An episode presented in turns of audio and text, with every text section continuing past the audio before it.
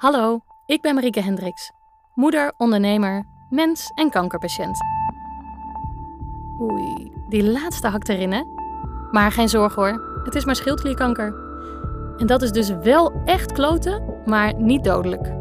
Je hoort in deze podcast alle tegenstrijdigheden, mijn te maken keuzes, mijn twijfels en uiteraard ook mijn positieve kijk op dit alles. Opgenomen van mijn twee jongens. Maar aangezien het een zeldzame vorm van kanker is, wellicht ook prettig om te luisteren als je zelf mee te maken hebt. Of gewoon omdat je me wil steunen. Mama heeft ouw. Laten we hopen dat het maar een korte podcastserie is.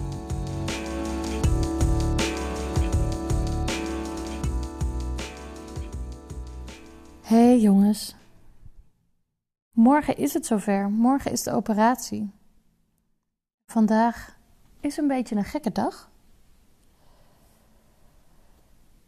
Ik heb niks anders te doen dan wachten of zo.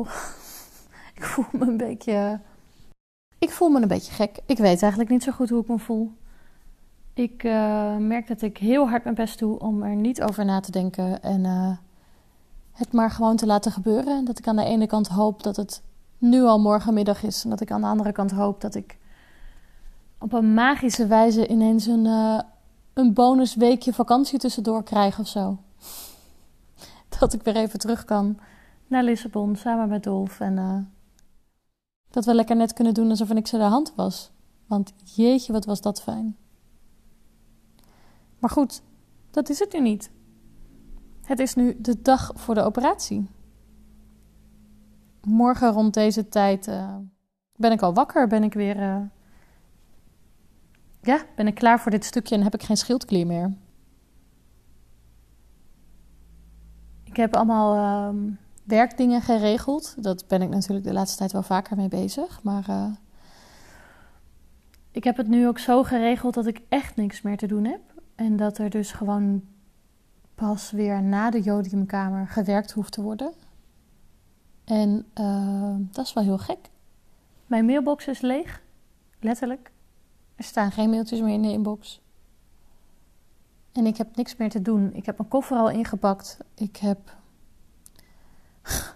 uit pure ellende Dolf's hele klerenkast helemaal leeggehaald en opnieuw ingericht, zodat het wat ordelijker is.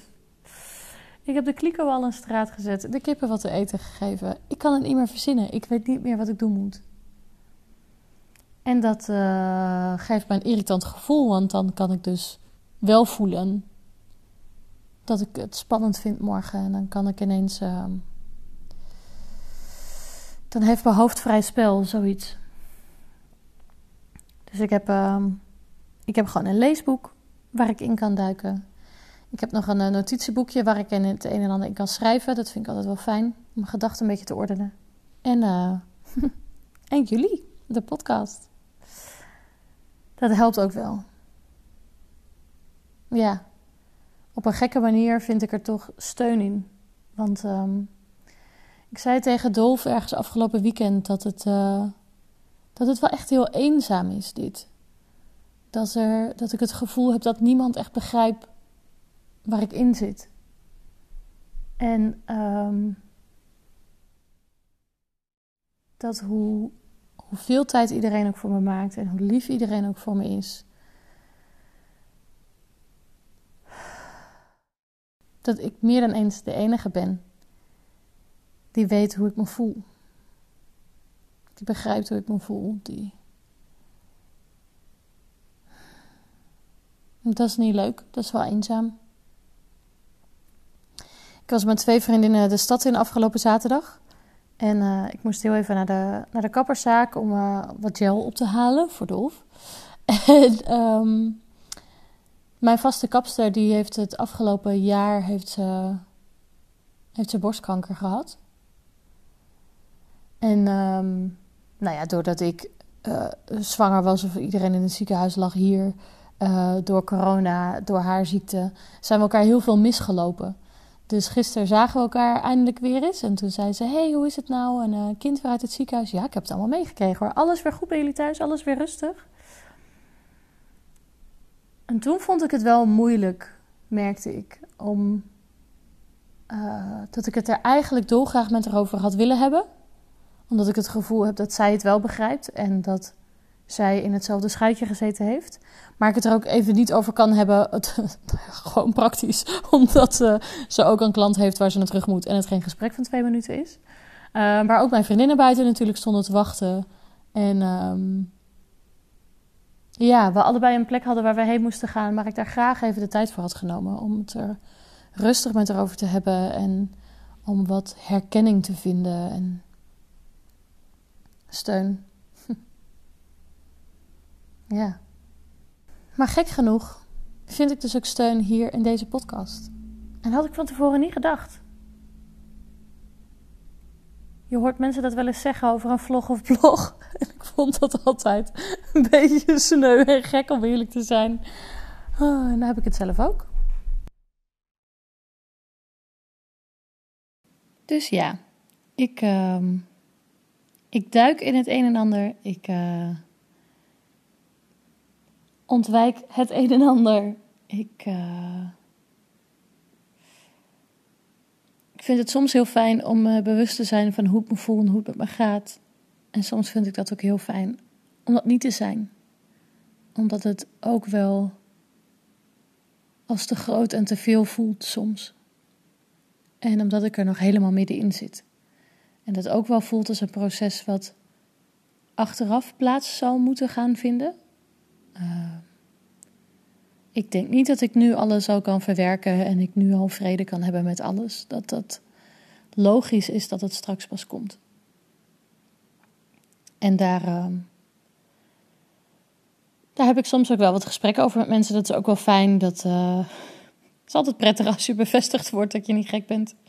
En dat het heel logisch is vanuit uh, zenuwstelselperspectief of wat voor perspectief dan ook.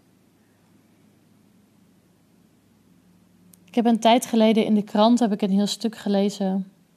En dat ging heel ergens anders over. Uh, maar als je een traumatische ervaring meemaakt, dat je dan uh, het fenomeen doubling kan gaan doen. Dat je een soort tweede persoonlijkheid creëert. En um, dat je dus kan zeggen dat vroeger was ik die persoon, maar nu ben ik dit. En dat er dus een hele duidelijke scheiding ligt tussen bepaalde gebeurtenissen. En ik merk dat ik dat nu ook zelf toepas.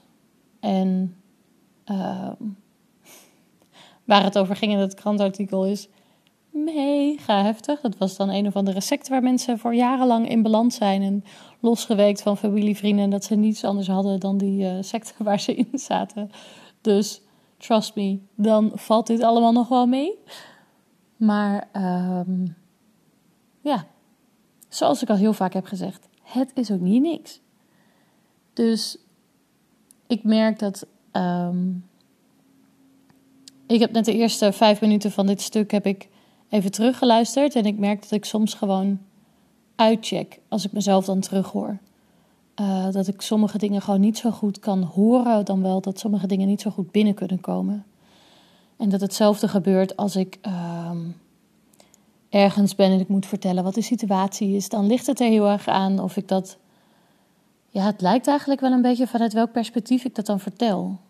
Soms lijkt het wel alsof ik het over mezelf vertel in plaats van dat ik het zelf vertel. En dat ik. Hmm, dat er dus een stukje dobbeling plaatsvindt. Dat. Uh, nou, we hebben de Marieke die moeder is. We hebben de Marieke die ondernemer is. We hebben de gewone gelukkige zelf. We hebben de zieke variant. En dat het net lijkt alsof ik per situatie kijk welk petje ik opzet. Wie ik ben, hoe ik me voel, hoe ik reageer, of ik wat voel. En um, dat ook dat oké is. Omdat ik nu gewoon echt even niet anders kan dan dit. Dat dit voor nu een prettige strategie is om het allemaal te bolwerken en te zorgen dat ik uh, blijf staan en lopen en doen. Dus ja, een bijzondere tijd, dat is het zeker. En vanaf morgen is die tijd extra bijzonder, want dan ben ik zonder schildklier, met medicijnen, officieel begonnen aan mijn behandeling. Om de schildklierkanker te lijf te gaan, eruit te halen, op te lossen, in kaart te brengen. En sommigen zullen nu misschien denken: ja, maar dat was je toch al de hele tijd aan het doen? Maar dat voelt echt niet zo. Die eerste operatie was om gewoon een bobbel weg te halen. Toen had ik echt nog geen kanker. Die heb ik nu pas. En morgen pas echt.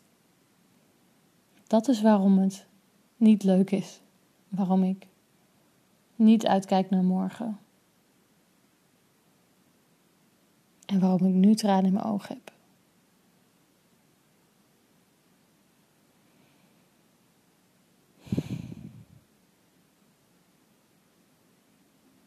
Maar ja. Zoals mijn moeder vroeger altijd zei: hoe sneller je gaat slapen, hoe sneller het morgen is. en um,